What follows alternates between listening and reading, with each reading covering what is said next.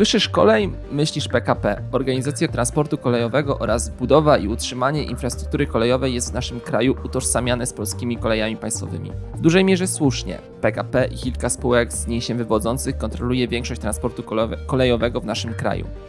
W dzisiejszym odcinku nie będziemy rozmawiać jednak o tym, jak funkcjonuje PKP. Przedmiotem naszej rozmowy będzie rola samorządów w tworzeniu transportu kolejowego w naszym kraju oraz potencjał kolei, którego polscy samorządowcy nie wykorzystują w tworzeniu atrakcyjnego dla pasażerów transportu publicznego. Witajcie w najnowszym odcinku Międzymiastowo, podcastu miejskiego realizowanego przez Klub Jagielloński. Ja nazywam się Jakub Kucharczuk, a moim dzisiejszym rozmówcą jest autor książki Ostre cięcie, jak niszczono polską kolej oraz redaktor naczelny dwumiesięcznika z biegiem szyn Karol Tramer. Międzymiastowo. Podcast miejski Klubu Jagiellońskiego.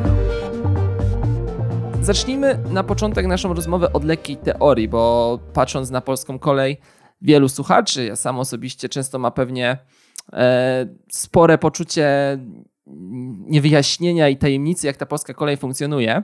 E, jako, że chcemy się dzisiaj skupić na samorządach, e, więc wyjaśnimy może i będę Pana o to prosił, e, w jaki sposób samorządy poszczególnych szczebli mają wpływ w Polsce obecnie na kolej i w jaki sposób go wykorzystują? Przede wszystkim nie ma takiego jednego, jednej odpowiedzi na to pytanie. Z tego względu, że różne samorządy w różny sposób wykorzystują możliwości wpływania, tak na razie nazwijmy to delikatnie, na kolej na swoim terenie. Generalnie sieć kolejowa w Polsce, zarządzana przez spółkę PKP Polskie Linie Kolejowe, jest siecią państwową, jest siecią, możemy to nawet nazwać rządową, ale istnieją rzeczywiście e, przykłady samorządów, które zdecydowały się przejąć linie kolejowe. Mamy samorządy e, e, lokalne, które przejęły linie kolejowe. To są, e, jest niewiele takich przykładów i raczej to służyło temu, żeby ochronić przewozy towarowe na liniach, na których grupa PKP nie była zainteresowana dalszym kursowaniem pociągów towarowych, ale mamy również linie kolejowe należące do samorządów wojewódzkich. Przede wszystkim tutaj no taki nadrzędny przykład to jest e, Dolnośląska Służba Dróg i Kolei. To jest ciekawy e, przypadek, bo to jest zarządca dróg wojewódzkich, który zawiera w sobie również zarządzanie liniami kolejowymi przejętymi od PKP. Mamy również e, samorządowe linie kolejowe należące do e, samorządu województwa pomorskiego. Jest to Pomorska Kolej Metropolitalna. I e, mamy też na przykład warszawską kolej dojazdową, która e, na jednym ciągu wybiegającym z aglomeracji warszawskiej, też linia kolejowa jest zarządzana przez tą spółkę, która jest naraz przewoźnikiem i, i zarządcą, który należy do samorządu województwa mazowieckiego i samorządów lokalnych. Ale linia kolejowa jako taka e, to jest tylko jeden mały element kolei, no bo przede wszystkim to, co jest najważniejsze z punktu widzenia pasażera i z punktu widzenia tworzenia atrakcyjności kolei i przyciągania na kolej pasażerów, to jest jednak oferta przewozowa, czyli połączenia, częstotliwość, relacje.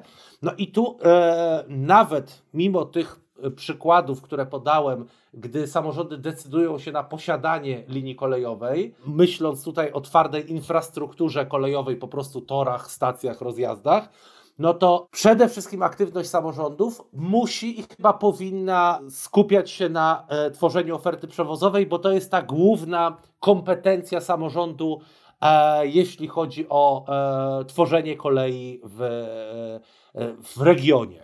Zanim przejdziemy do tego, jak poszczególne samorządy to robią i czy skupiają się właśnie na swoich własnych spółkach, czy, czy właśnie w ramach współpracy z Pol, Polregio, kiedyś przewozami e, regionalnymi, to chciałbym dopytać o rolę miast, tych największych miast e, lub właśnie gmin, ale chyba pewnie trzeba się skupić na tych największych miastach i w jaki sposób one są zaangażowane albo w jaki sposób chciałyby być zaangażowane w tworzenie kolei.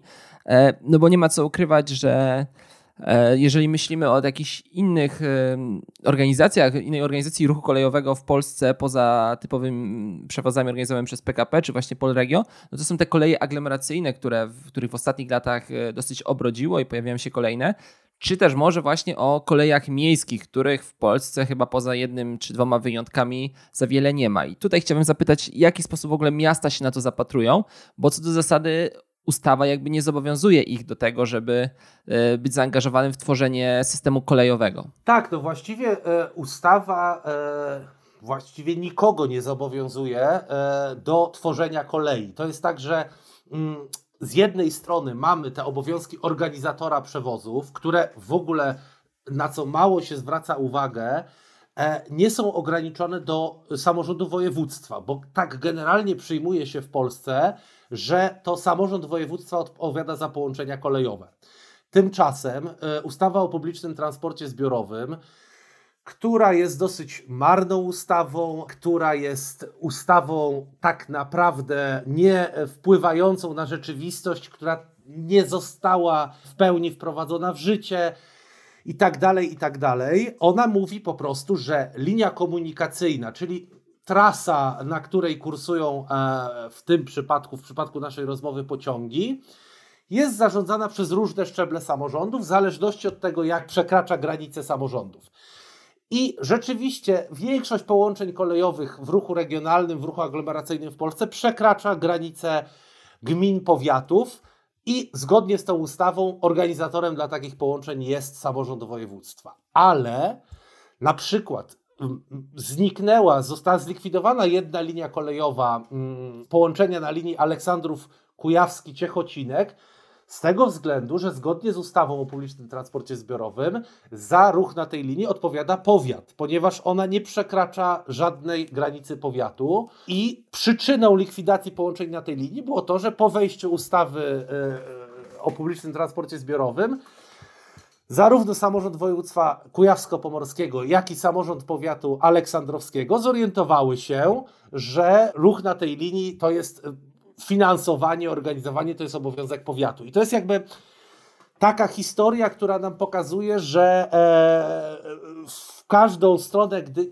gdzie nie spojrzeć, są pewne komplikacje i pewne niebezpieczeństwa, bo powiat nie jest przyzwyczajony do e, tego, że organizuje transport kolejowy. E, powiaty nie mają doświadczenia, nie mają wystarczających pieniędzy ku temu, a zgodnie z polskimi przepisami, jeżeli pociąg kursuje na trasie ograniczonej do jednego powiatu, to powiat powinien być tym organizatorem. No i tu dochodzimy do innych wątków, które, które wiążą się z tą ustawą, no czyli na przykład rozbicie kompetencji organizatora w ogóle transportu publicznego, kolejowego, autobusowego pomiędzy różne szczeble samorządu. To moim zdaniem powinno być bardziej integrowane, tak żeby e, tych ośrodków decyzyjnych, ośrodków planistycznych e, było e, mniej a nie, że właściwie każdy szczebel samorządu odpowiada za jakąś cząstkę transportu publicznego, bo to no, nie sprzyja tworzeniu zintegrowanych systemów autobusowo-kolejowych, połączonych z transportem miejskim typowym, e, tak żeby tworzyć takie pełni zintegrowane, uzupełniające się systemy, tak jak ma to miejsce e, na zachodzie Europy, czy na przykład w Czechach, czy też w Słowacji częściowo. No i jeśli chodzi o koleje aglomeracyjne, koleje miejskie, no to stricte takim miejskim przewoźnikiem, który po prostu należy do miasta, jest tylko i wyłącznie warszawska szybka kolej miejska, która wcale do granic miasta nie ogranicza swojej sieci połączeń, ale także wyjeżdża do e, kilku gmin podwarszawskich. I tutaj dochodzimy do takiego wątku, że trochę w Polsce się uważa, że trzeba stworzyć spółkę, trzeba stworzyć własnego przewoźnika, żeby móc budować jakiś system to wcale nie jest ogólnoeuropejskie podejście, bo na przykład w stolicy Republiki Czeskiej, w Pradze i w otaczającym ją kraju środkowo-czeskim, bo to jest ciekawe e, także w kontekście dyskusji o podziale województwa mazowieckiego, która aktualnie ucichła, ale co jakiś czas wraca. Generalnie w e, Europie stolice są oddzielnymi regionami. E, I tak jest również w aglomeracji praskiej. Mamy dwa regiony tam, mamy Pragę i mamy kraj środkowo-czeski. I mimo to, plus to, co powiedziałem wcześniej, nie ma tam y, miejskiego, typowego, aglomeracyjnego przewoźnika, tylko przy, połączenia realizowane są przede wszystkim przez państwowe czeskie drachy. E, I one są wykonawcą połączeń, a organizatorem tychże połączeń jest e, ROPID, czyli taki zarządca transportu publicznego właśnie w Pradze i kraju środkowo-czeskim. I śmiem twierdzić, taki jest mój pogląd, że kolej aglomeracyjna w Pradze działa lepiej niż kolej aglomeracyjna w Warszawie, gdzie e, powstał specjalny przewoźnik do wykonywania tych zadań, który należy do miasta. Za mało w Polsce zwracamy uwagę na e, obowiązki i możliwości wynikające z bycia organizatorem transportu. To samo dotyczy kolei wojewódzkich. Aktywne samorządy e, wojewódzkie tworzą własne spółki kolejowe, E, w 100% należące do samorządów województw, by w ich mniemaniu e, tworzyć dobrą, atrakcyjną e, kolej.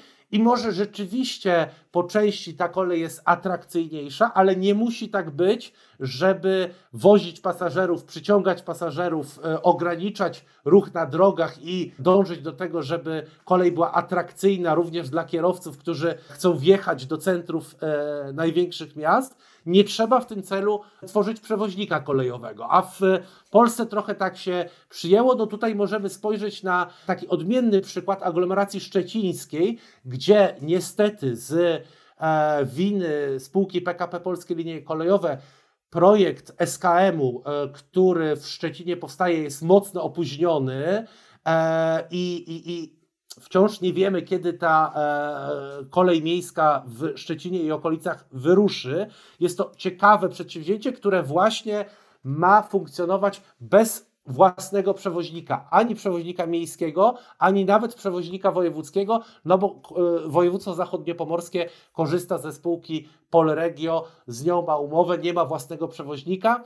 E, no podobnie też mamy trochę od, odsądzane od czci i wiary Podkarpacie, gdzie e, generalnie na liniach e, regionalnych oferta nie jest dobra, nie jest atrakcyjna i Podkarpacie nie wykorzystuje swojego bardzo dobrego, moim zdaniem, potencjału ludnościowego. To znaczy w, Podkar- na, w województwie podkarpackim mamy dużo e, dużych miast, duże mam tu na myśli kilkudziesięciotysięczne, e, mamy całe takie łańcuchy osiedleńcze, na przykład w południowej części województwa w pasie od Jasła przez Krosno, Sanok. E, to są duże ośrodki. Linie kolejowe biegną przez obszary silnie zamieszkane, bo e, no to się tak układa, że w tych dolinach między pasmami górskimi mieszka, właściwie nie kończą się miejscowości. Jedna miejscowość przechodzi przez drugą i nie wykorzystuje się tego potencjału, ale też powstała w rejonie Rzeszowa kolej aglomeracyjna, która nieco odchodzi od tego, nazwijmy to, wizerunku e, kolei w województwie podkarpackim. Połączeń jest więcej i tam jakiś system zaczyna być tworzony. Natomiast tutaj dochodzimy do problemu, czy rzeczywiście trzeba tworzyć specjalną kolej aglomeracyjną w każdym regionie, czy bardziej da się obsłużyć e, relacje aglomeracyjne wokół dużych miast, wokół stolic województw e, i tak dalej, istniejącą koleją regionalną, którą po prostu uatrakcyjniamy e, i zwiększamy częstotliwość na tych ciągach prowadzących, wbiegających do tego miasta będącego rdzeniem danej aglomeracji.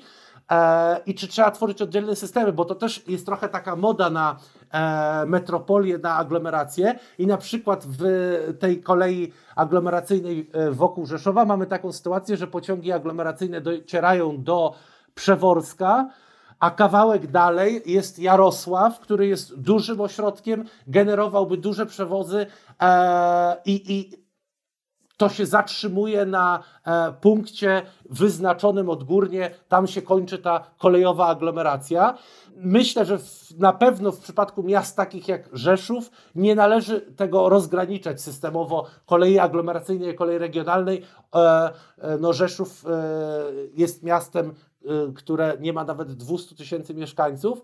W związku z tym e, e, no nie trzeba tworzyć takiego specyficznego systemu do obsługi tej aglomeracji, tylko pobudzić e, kolej w całym regionie. Tak, tak bym to widział, ale tu też mamy wątek związany z tym, że fundusze unijne w polskim wydaniu są tak stworzone, że promują rozwiązania aglomeracyjne i metropolitalne, czy na przykład stolice województw, co też jest problem wdrażania funduszy unijnych w Polsce, że często niektóre przedsięwzięcia, takie jak na przykład tramwaje, są dostępne tylko dla stolic województw i na przykład Radom, który, w którym głosy o powstaniu tramwaju od lat się pojawiają, z, e, w polskiej rzeczywistości funduszy unijnych właściwie nie może zrealizować takiego e, przedsięwzięcia, a mniejszy od Radomia Olsztyn E, odbudował i zbudował właściwie nową sieć e, tramwajową, ponieważ jest stolicą województwa i, i, i e, przewi to przewidują fundusze unijne e, inwestycje w miejski transport szynowy.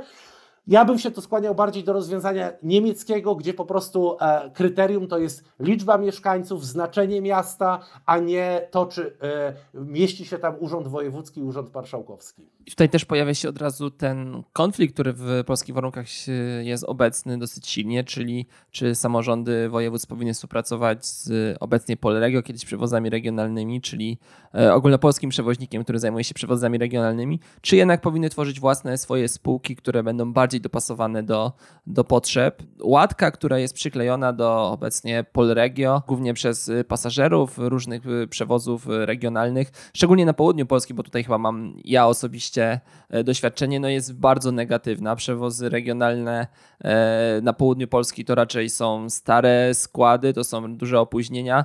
No i co do zasady jednak e, siatka połączeń dalece odbiegająca od czy to zapotrzebowania, czy de facto tak naprawdę iluzoryczna siatka połączeń.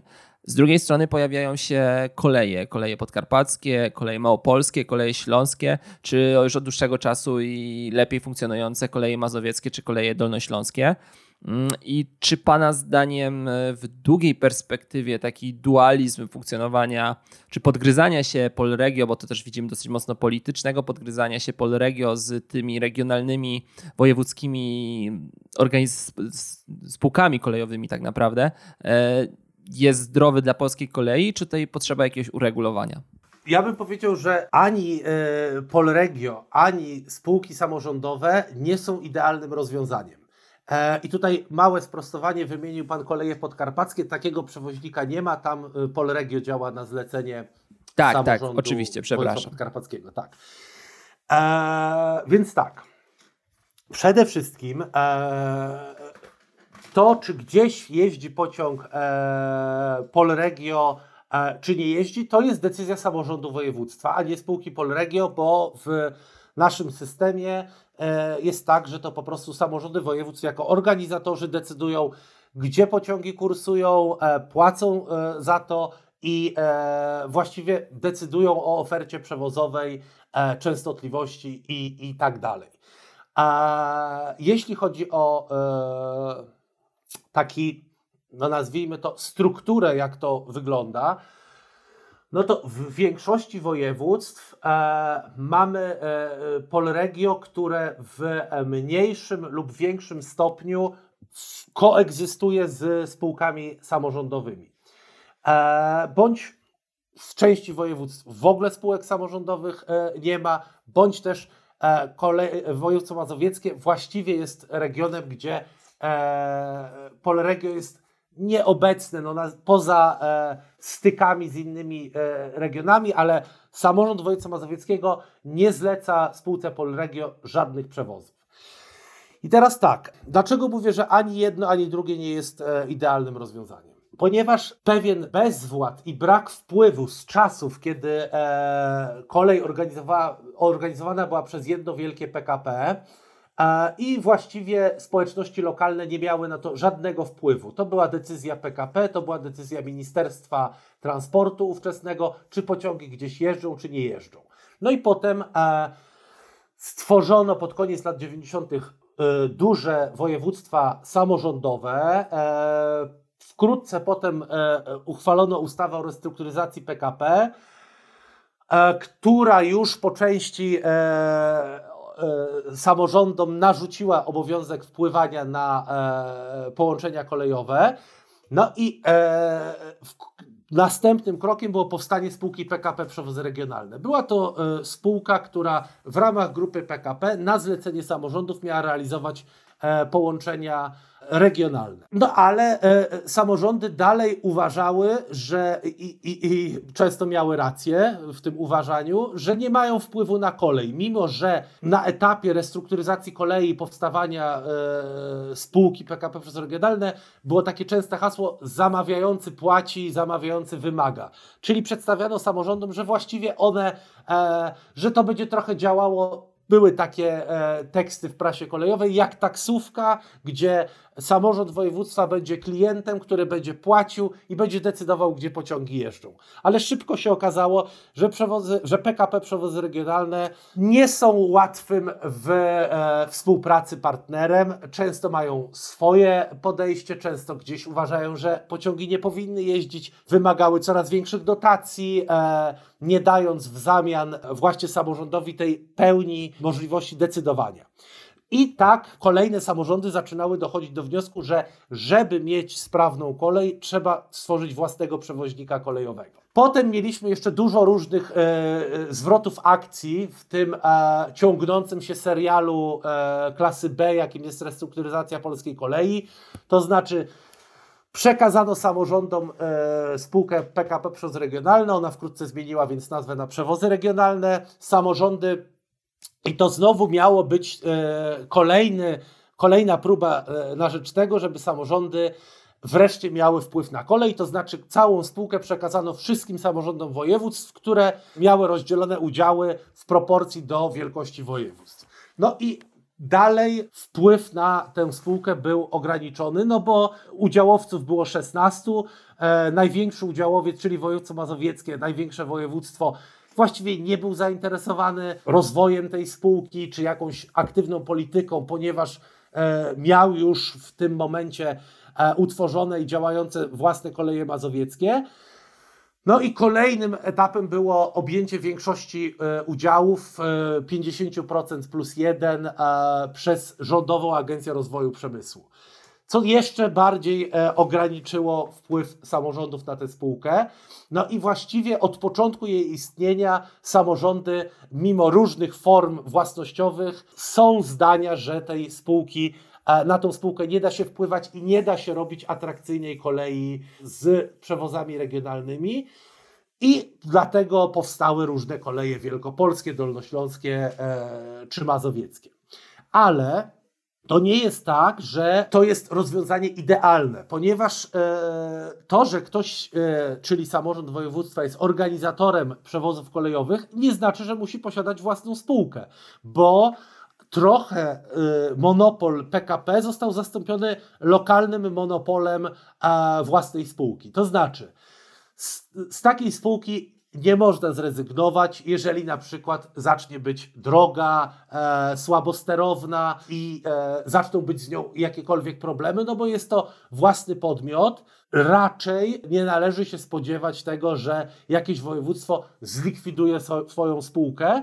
Po części dla e, kadry zarządzającej takimi spółkami to jest taki sygnał, że trochę można obrastać w tłuszczyk no na przykład koleje mazowieckie są dosyć drogim przewoźnikiem, zarówno jeśli chodzi o ceny biletów, jak i wysokość dotacji samorządu. E, a tutaj dochodzi jeszcze taki problem e, z zakresu polityki społeczno-regionalnej, to znaczy e, może wysokie ceny biletów e, kolei mazowieckiej są do przełknięcia w aglomeracji warszawskiej, ale te same wysokie ceny biletów obowiązują e, na przykład w regionie radomskim czy e, na północnym Mazowszu, gdzie już stopa życiowa nie jest tak e, wysoka. I tu się pojawia problem też takiego zarządzania e, e, z Warszawy. Dodajmy, że w Warszawie, aglomeracji warszawskiej istnieje wspólny bilet na e, kolej i transport publiczny. W związku z tym te wysokie ceny biletów kolei mazowskich nie są tak mocno odczuwalne w aglomeracji warszawskiej, bo większość pasażerów korzysta z warszawskiej karty miejskiej, która uprawnia do korzystania z pociągów kolei mazowieckich. No i e, model, który e, funkcjonuje w innych krajach, polega na tym, że regiony raczej nie decydują się na e, tworzenie własnych spółek, tylko ogłaszają przetargi, które mm, w których do zdobycia są kontrakty wieloletnie, 10-15-letnie na realizację połączeń kolejowych na danej grupie linii kolejowych w danym regionie. E, I tak na przykład dzieje się w regionie, który powinien być takim mm, no, przykładem do naśladowania czy do obserwowania i korzystania z dobrych praktyk, czyli dla polskich regionów, czyli e, region Berlina i Brandenburgii. Dwa landy, które mają jednego organizatora przewozów, Verkehrsverbund Berlin-Brandenburg, który zarządza transportem publicznym zarówno w Berlinie, jak i w całej Brandenburgii, tworząc spójny system autobusowo-kolejowy plus transport e, miejski, szybka kolej miejska, czyli S-Bahn, metro, autobusy, tramwaje, promy też częściowo. I e, tam no nie ma przewoźnika kolejowego, który należałby do tej jednostki. E, jest e, DB Regio, czyli państwowy przewoźnik niemiecki, który wykonuje dużą część pracy, ale także walczy o kontrakty w przetargach. I w tych przetargach wygrywają często inni przewoźnicy, na przykład e, ODEG, czyli spółka a, która po części e, należy do kolei włoskich na przykład. No, w Europie ten rynek kolejowy jest dużo bardziej rozbudowany i ODEG zdobywa kontrakt na 15 lat na przykład.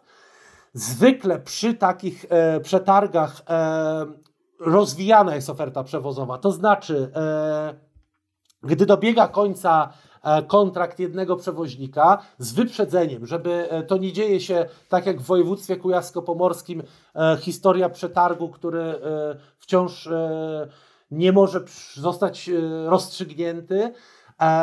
To się nie dzieje na ostatnią chwilę, to nie jest odwoływane z dnia na dzień i przenoszone na przyszły rok, tylko to jest z wyprzedzeniem dwu, trzyletnim ogłaszany jest przetarg. Przewoźnicy startują w przetargu. Ten, kto wygra ten przetarg, ma czas na przygotowanie się, to znaczy zakup taboru, e, pozyskanie pracowników.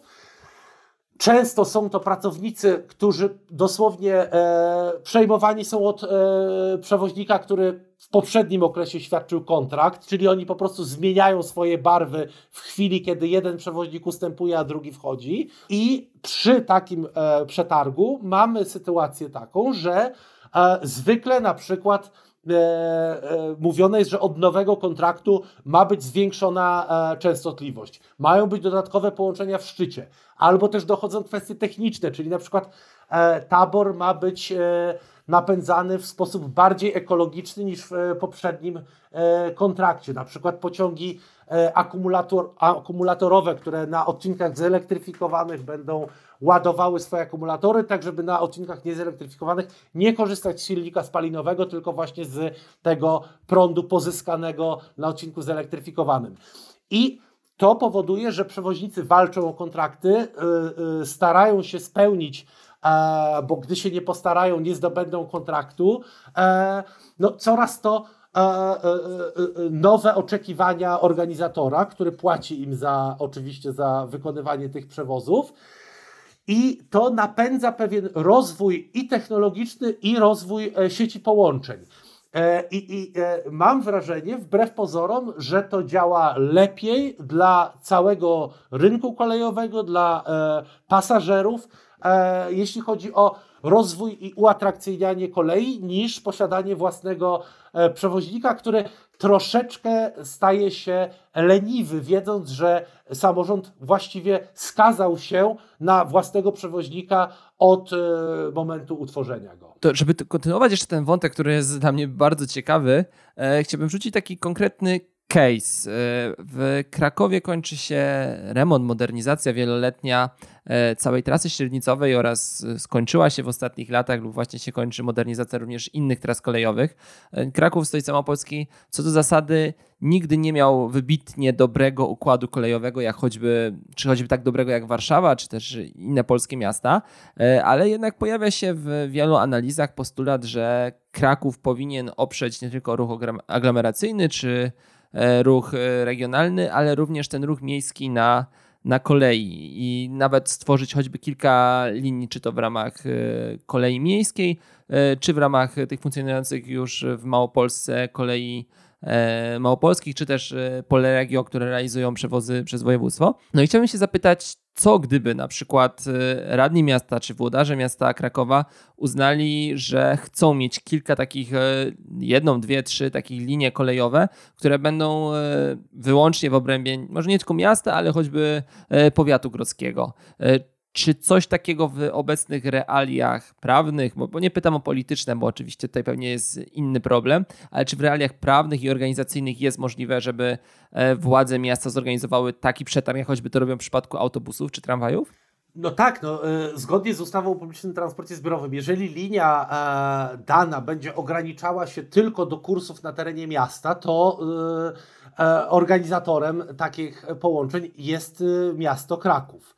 Natomiast nie wiem, czy to jest e, pożądane rozwiązanie, bo to też, też rozczłonkowuje e, system kolejowy, czy w ogóle system e, komunikacji. To znaczy, z jednej strony takie stricte miejskie linie kolejowe by może się zbliżyły do miasta, do linii tramwajowych, autobusowych, tworząc z nimi jakąś spójną siatkę, chociaż też jest dużo zagrożeń, to znaczy na e, sieci kolejowej, która jest zarządzana przez PKP Polskie Linie Kolejowe, samorząd e, miasta Krakowa miałby ograniczony wpływ na to, w jakich godzinach dokładnie by kursowały pociągi, więc e, bo trzeba byłoby po, pogodzić te pociągi z kolejami małopolskimi, z Polregio, z Intercity, z Leo Expressem, który na razie e, dwa razy w tygodniu wjeżdża do Krakowa, ale ma zamiary większe. No więc to jest pytanie, czy z jednej strony tworząc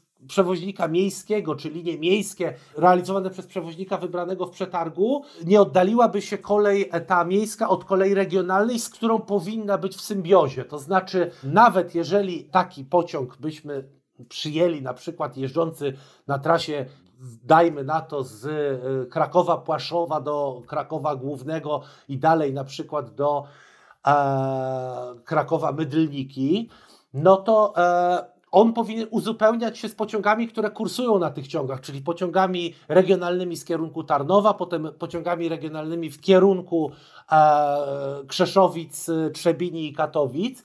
Ja bym widział tutaj dużo zagrożeń, żeby to był oddzielny podmiot. E, to raczej powinno być tak, że poprzez integrację zarządzania transportem, czy w aglomeracji krakowskiej, czy w ogóle w województwie małopolskim, samorząd miasta Krakowa wpływa poprzez takiego regionalnego organizatora transportu, którego na przykład jest członkiem, udziałowcem, zależy jaka byłaby forma organizacyjna takiego podmiotu, na to, żeby jego interesy, czyli miasta Krakowa czy aglomeracji krakowskiej, były e, e, reprezentowane. Czyli na przykład, żeby pociągi czy kolei małopolskich, czy Polregio, czy innego przewoźnika wybranego w przetargu e, który na przykład mamy trasę z Tarnowa do Krakowa, żeby były pociągi dogęszczające na przykład cykl kursowania dajmy na to z e, Krakowa, z Tarnowa do Krakowa pociągi by kursowały co 30 minut, to żeby na terenie e, już ścisłego wlotu do centrum Krakowa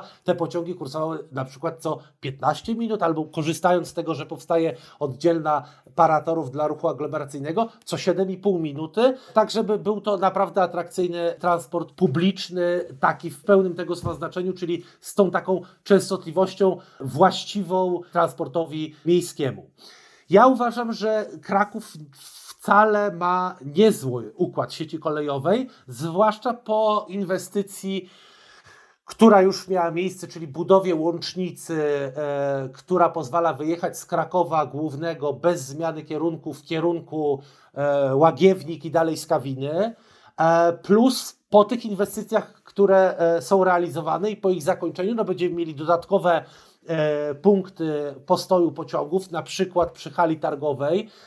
Uważam, że to ten przystanek będzie naprawdę hitem, jeśli chodzi o wykorzystanie, bo to jest, to jest tak, że dworzec Kraków Główny jest trochę oddalony od miasta, mówiąc przewrotnie oczywiście, no bo znajduje się w centrum Krakowa, ale dojście do tego dworca wymaga e, sporej wycieczki, albo przebijania się przez galerię krakowską, albo przejścia pieszego, przejścia, przejść podziemnych i tak dalej. No trzeba wejść w cały ten system e, dworca Kraków Główny. a przystanek przy hali targowej dobrze, jeżeli zostanie dobrze połączony z liniami tramwajowymi, e, może przynajmniej w skali regionalnej pełnić e, przy codziennych dojazdach e, dobrą konkurencję, nazwijmy to, dla dworca Kraków Główny i spowodować, że ktoś, kto obecnie uważa, że z dworca Kraków Główny, z peronu, gdzie wysiada z pociągu, na przykład do pracy czy na uczelnię, ma zbyt daleko, bo samo to przejście zajmuje mu kilka minut do tramwaju czy do wyjścia z tego systemu dworcowego, to ten nowy przystanek może skłonić e, wiele osób do e, przesiadki na, e, na dojazdy do Krakowa koleją. Ja bardzo wierzę w ten, w ten przystanek. Więc takie różne elementy, które jeśli chodzi o sieć kolejową na terenie Krakowa, o infrastrukturę kolejową, ja jestem dobrej myśli i ja widzę tutaj potencjał do rozbudowy kolei aglomeracyjnej, ale nie uważam, że powinno się to dziać w odłączeniu od kolei regionalnej. To powinny być uzupełniające się systemy, tak jak właśnie e, w podanej wcześniej przeze mnie Pradze, gdzie część relacji e, obsługiwanych przez tą kolej regionalną, kolej wykonywaną przez, przede wszystkim przez przewoźnika państwowego czeskie drachy na zlecenie tego regionalnego organizatora transportu, spełnia funkcję typowo miejskie. To znaczy niektóre pociągi na przykład e, mają relacje, które, e, których celem jest dowiezienie ludzi z centrum miasta do e, osiedli i dzielnic na obrzeżach miasta e, i, i część linii stricte takie e, funkcje pełni. Więc e, nie trzeba tworzyć oddzielnego podmiotu, czy wybierać oddzielnego podmiotu. E, e, ja tu się skłaniam do tego, żeby to było raczej w formie zintegrowanego, ponadlokalnego, regionalnego organizatora transportu, który stara się zintegrować kolej, transport autobusowy, transport miejski w skali ponadmiejskiej. I tutaj pojawia się już na koniec naszej rozmowy taki jeden newralgiczny wątek, który oczywiście wspomniał Pan o nim kilkukrotnie, czyli właśnie infrastruktura. Wydaje się, że te niewiele samorządów w Polsce do tej pory było zaangażowanych jakby w tworzenie czy modernizowanie, utrzymanie infrastruktury. Wspominał Pan o tym, co się dzieje na Dolnym Śląsku. E, wiele więcej województw, już nie mówiąc o miastach, raczej w te tematy nie chciało wchodzić, bo to było za nim oczywiście zbyt kosztowne, ale też pewnie e, przerastało ich organizacyjnie. E, a jak wiemy, i pisał też Pan o tym na, w takim tekście na portalu Klubu Jagiellońskiego, ale też oczywiście w dwumiesięczniku z biegiem szyn, te, pro, te projekty, modernizacje, remonty czy budowy nowych linii, no budowy może przesadzam, bo za wiele tych linii w ostatnich latach nie powstawało, ale przede wszystkim modernizacje linii kolejowych w Polsce e, realizowane przez PKP PLK przede wszystkim są e, modernizacjami tak zwanymi ciężkimi, czyli e, za uwzględniające całą infrastrukturę E, dostosowane do najcięższych transportów e, towarowych i tak dalej, i tak dalej. Kosztują e, wiele miliardów często, efekty są mizerne, a opóźnienia znaczne, które paraliżują ruch na wielu liniach. Jak dobrze wiemy, samorządy i linie osobowe potrzebują tej infrastruktury często jak choćby pokazuje przykład e, linii w Czechach, e, zdecydowanie na niższym standardzie, mówiąc oczywiście o standardzie nie dla pasażera, ale przede wszystkim standardzie jakby funkcjonowania tych torów. I w ostatnich latach, miesiącach głośno było o programie Kolej Plus, czyli takim wyjściu tak naprawdę polskiego państwa do samorządów, które miały sygnalizować, jakie linie kolejowe chcą remontować, w jaki sposób to robić. No i chciałbym zapytać, czy kolej plus i ten program i podejście w ogóle e, polityków centralnych do modernizacji linii zmienia się, czy to wciąż będą takie wielkie remonty, e, a jednak te linie, które wymagałyby tylko niewielkich e, poprawek, czy, czy w ogóle też jakiejś tam estetyki kolejowej, tak to ujmując, wciąż będą zaniedbane? Program Kolej Plus wciąż trudno jest ocenić, ponieważ e, on cały czas rodzi się, że tak powiem. To znaczy, przypomnijmy, że on został ogłoszony e, czy zapowiedziany w, e, podczas kampanii wyborczej w 2018 roku jesienią. I no, niedługo minie 4 lata od kiedy program Kolej Plus, że tak powiem, jest z nami, ale wciąż żadna linia w ramach programu Kolej Plus nie powstała, nie została wyremontowana, czy e, nie, nie przeszła rewitalizacji, bo cały czas jesteśmy ten, no program jest tak skonstruowany, że no, rozwleka tą e, e, kwestię przede wszystkim powrotu kolei do miast, które, e, z których kolej sama zrezygnowała przed laty, na, e, rozwleka to na e, bardzo długi czas. I to jest jedna z wad tego programu. To znaczy, e, co ciekawe, w, e, od kiedy rozmawiamy o e, programie Kolej Plus, to na przykład województwo dolnośląskie e, już w tym czasie przywróciło połączenia do Bielawy, 30-tysięcznego miasta.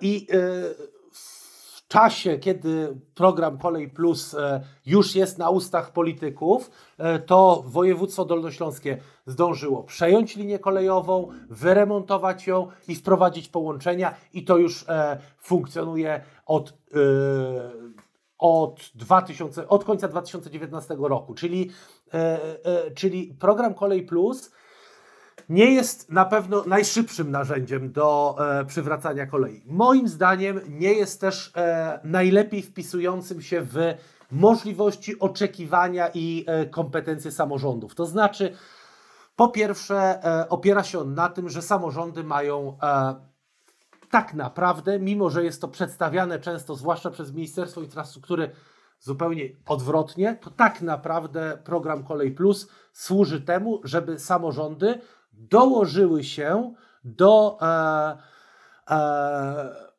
naprawienia błędów przez spółkę PKP Polskie Linie Kolejowe, która e, doprowadziła e, linie kolejowe prowadzące do różnych miast do e, stanu śmierci technicznej i teraz samorządy mają spółce PKP Polskie Linie Kolejowe zapłacić za to, dopłacić do tego, by ona odbudowała te połączenia.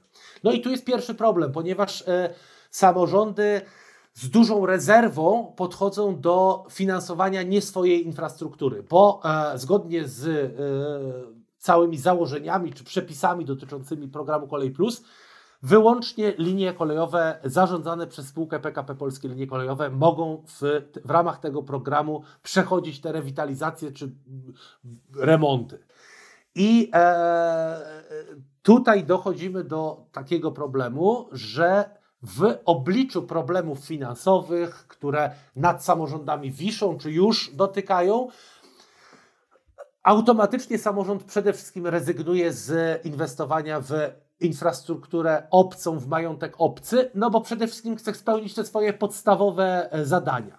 No i e, wciąż nie wiemy, mimo że ten program e, już kilka razy ogłaszał różne linie, jakie będą w ramach tego programu realizowane, ale to były mapki na potrzeby kampanii wyborczej, no ale wreszcie doszliśmy do etapu, kiedy no, powiedziano, e, jakie linie zostały przyjęte do programu, ale teraz jesteśmy w newralgicznym czasie, kiedy samorządy ostatecznie muszą podjąć decyzję, czy będą chciały wyłożyć ten wkład własny i tym samym czy linie będą e, objęte programem Kolej Plus.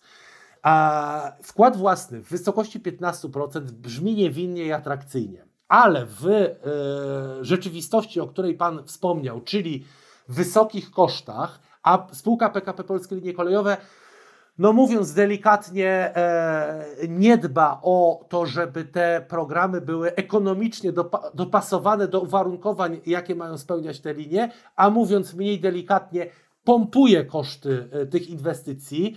Niektóre samorządy już na wcześniejszych etapach wycofały się z programu Kolej Plus, e, widząc jak te przewidywane koszty, które najpierw założył samorząd, zostały e, właśnie napompowane przez spółkę PKP Polskie Linie Kolejowe. No, przykład 48-kilometrowej y, linii z Bytowa do Korzybia, e, obszar województwa e, pomorskiego, e, tak naprawdę region środkowo-pomorski, jeden z najbardziej wykluczonych komunikacyjnie obszarów, czyli coś, co w programie Kolej Plus powinno się znaleźć, bo ten program też opiera się na dobrowolnych zgłoszeniach samorządów i nie nie patrzy e, w należyty sposób na jakiś taki efekt sieciowy i efekt społeczny, czyli żeby ta kolej przywracała tam, e, wracała tam, gdzie jest najbardziej potrzebna z punktu widzenia rozwoju regionalnego, dostępności komunikacyjnej, ale zostawmy to. No i e, te samorządy, to było zgłoszone przez samorządy lokalne, no widząc, że spółka PKP Polskie Linie Kolejowe planuje te 674 miliony złotych na e, te inwestycje, no to policzyły 15% i e, po prostu się przeraziły. E, I jeden z partnerów tego, bo tam kilka samorządów miało partnerstwo, powiat bytowski zrezygnował i to właściwie zawaliło cały udział akurat tej koncepcji w programie Kolej Plus. Ale też było więcej przykładów na wcześniejszych etapach programu Kolej Plus. Na przykład e, powrót połączeń kolejowych i poprzedzony rewitalizacją linii w ramach programu Kolej Plus do Lubska w województwie lubuskim. Samorząd przewidywał, że to będzie kosztowało 72 miliony złotych. Po e, przemieleniu tego przez PKP PLK okazało się, że to będzie 124 miliony. Teraz będzie jeszcze więcej, no bo ceny rosną, inflacja, inflacja w branży budowlanej chyba jest jeszcze szybsza. E, I to wszystko może spowodować, obawiam się, że przed tym ostatecznym e, powiedzeniem tak lub nie, część samorządów no jednak skłoni się do tego, żeby się wycofać z, z tych przedsięwzięć. I będzie to błąd, e, będzie, będzie to pokłosie błędu y, w postaci tego, że właśnie spółka PKP Polskie Linie Kolejowe podeszła do programu Kolej Plus jak do wszystkich dotychczasowych inwestycji realizowanych z funduszy unijnych, czyli kwestią kluczową jest wydać pieniądze. Nikt się nie zastanawia, e, jak oszczędzić, jak racjonalnie wydać te pieniądze, tylko e, e, kluczową kwestią jest to, żeby móc się pochwalić, że wydaliśmy tyle i tyle miliardów e, euro. E, I, i, I, to jest taka, e, taka sytuacja w polskich inwestycjach kolejowych, że często politycy czy menadżerowie spółki PKP PLK nie mówią o tym, co nam da modernizacja linii kolejowej, czyli jaka będzie możliwa częstotliwość kursowania pociągów, jaka będzie przepustowość linii kolejowej, tylko ile to kosztowało i to ma na, na nas ma robić wrażenie.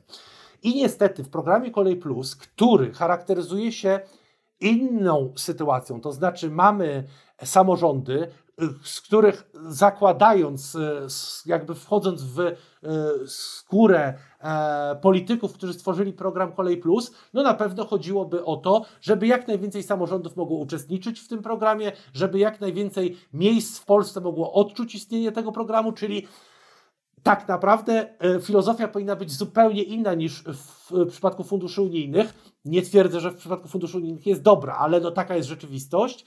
E, I ta filozofia powinna polegać na e, oszczędnościach, to znaczy właśnie dopasowywaniu linii kolejowych, zakresu tych działań do ich charakterystyki, uwarunkowań, temu czemu mają służyć. Czy tam w ogóle będzie ruch towarowy, e, czy mają tam kursować ciężkie pociągi, czy raczej lekkie szynobusy czy perony mają mieć e, niepotrzebnie 200 metrów w sytuacji, kiedy będą się przy nich zatrzymywały na przykład szynobusy o długości 40 metrów. I takie różne elementy powinny być kluczową e, kwestią myślenia w polskich liniach kolejowych o programie Kolej Plus, czyli jak przedstawić samorządom atrakcyjną e, ofertę, tak żeby te koszty ich nie przeraziły. I teraz jesteśmy w trakcie e, okresu, kiedy samorządy myślą i decydują. no, za ponad miesiąc będą musiały podjąć tę ostateczną decyzję. I może to spowodować z jednej strony wycofanie się samorządów, części, a z drugiej strony też może spowodować przetasowanie, czyli część przedsięwzięć, które wypadnie, bo samorządy uznają, że nie stać ich na udział w programie Kolej Plus, ustąpi miejsca e, przedsięwzięciom, które nie załapały się w tym e, rankingu na miejsca, mówiąc brzydko, biorące. E, no ale wciąż nie wiemy do końca, jak to będzie. No też e, problem jest taki, że mamy tam też budowę nowych linii kolejowych. I o ile uważam, że nowe linie kolejowe trzeba budować, e, trzeba dokonać tego, czego nie zdołał dokonać PRL i nie zdołała dotychczas dokonać trzecia RP, czyli pewnego dopasowania sieci kolejowej do zmiany granic w Polsce w 1945 roku. To znaczy, w 1945 roku, e, jak wiadomo, e, e, Polska zaczęła funkcjonować w całkowicie nowym kształcie terytorialnym i nie zadbano o to, żeby zszyć te sieci kolejowe odziedziczone z różnych krajów i z tej Polski przedwojennej. I nowe linie kolejowe jak najbardziej e, e, na to, na to, e, to, to zadanie są w stanie wypełnić, ale w ramach programu Kolej Plus nowe linie kolejowe mogą pochłonąć bardzo dużą część środków. Mogą spowodować, że program nie przyniesie efektów na tych ciągach latami, ponieważ e, no, weźmy przykład budowy nowej linii kolejowej, czyli dwukilometrowej łącznicy między centralną magistralą kolejową a linią Kielce-Częstochowa, która ma ułatwić wyjazd z centralnej magistrali kolejowej jakby z kierunku Warszawy w kierunku e, Kielc. E, ta krótka, dwukilometrowa linia jest już opóźniona ponad prawie 3 lata. A w przypadku linii dłuższych, takich jak Koninturek, które mają być wbudowane w ramach Kolei Plus, takich problemów będzie dużo więcej, jak e, e,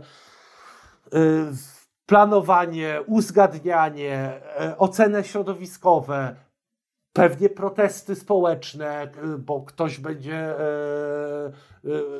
stanie w obliczu tego, że jego dom, jego pole uprawne E, zostanie przecięte e, nową linią kolejową i ja niestety e, mam wrażenie, że budowa nowych linii kolejowych może być tym, co finalnie spowoduje, że o programie Kolej Plus będziemy mówili także w kontekście wielu porażek, problemów, opóźnień i, i, i to trochę skompromituje ten program.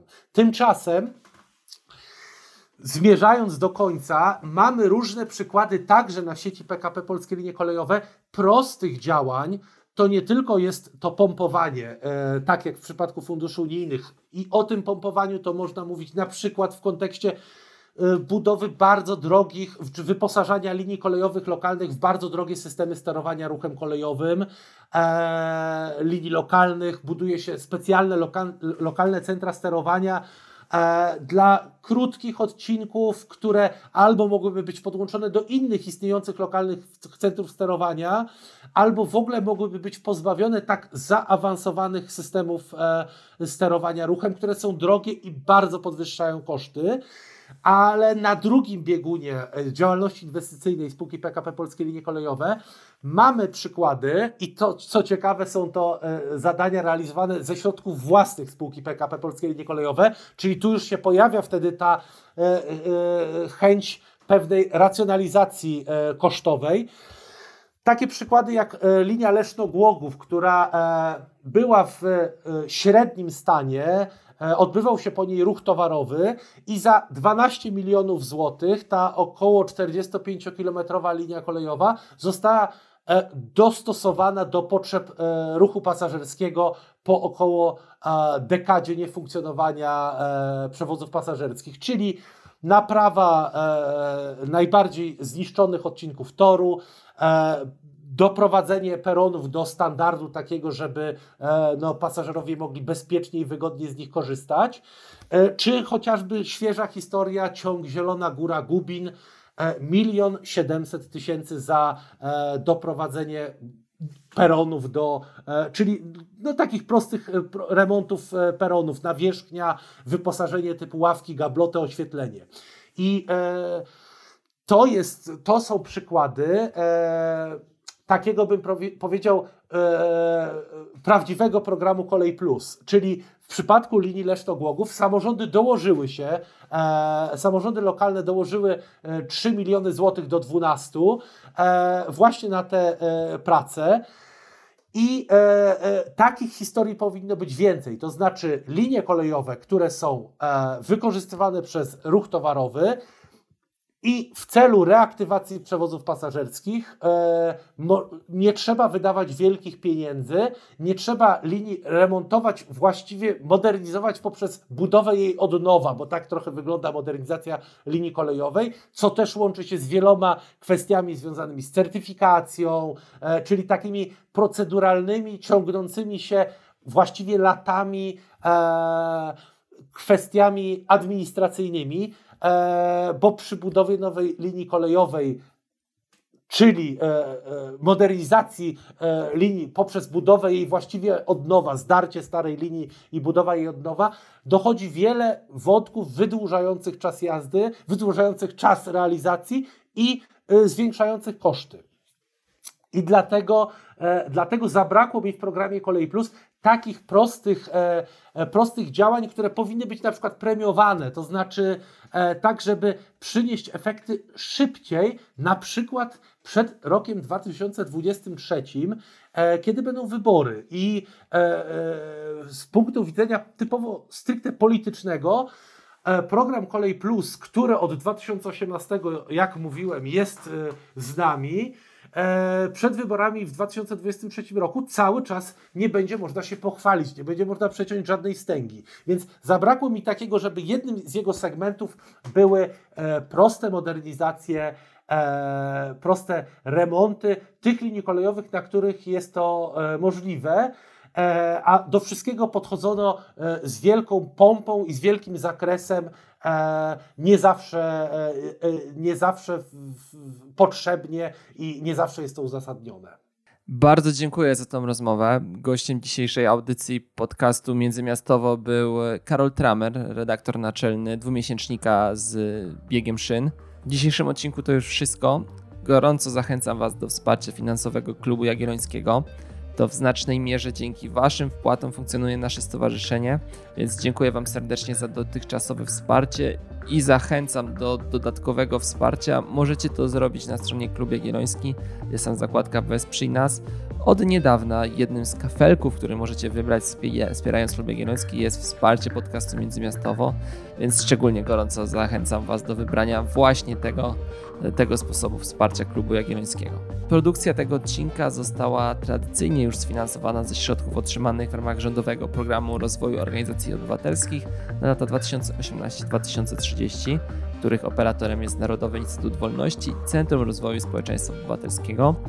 Pozyskany grant, jak dobrze wiecie już, ci, którzy przynajmniej nas y, częściej słuchają, pozwala nam rozwijać nie tylko nasz podcast, ale i inne działania w tematyce miejskiej na portalu Klubu Jagiellońskiego. Gorąco zachęcam Was do tego, żebyście się z nimi zapoznawali regularnie lub sporadycznie. Do usłyszenia. Międzymiastowo. Podcast miejski Klubu Jagiellońskiego.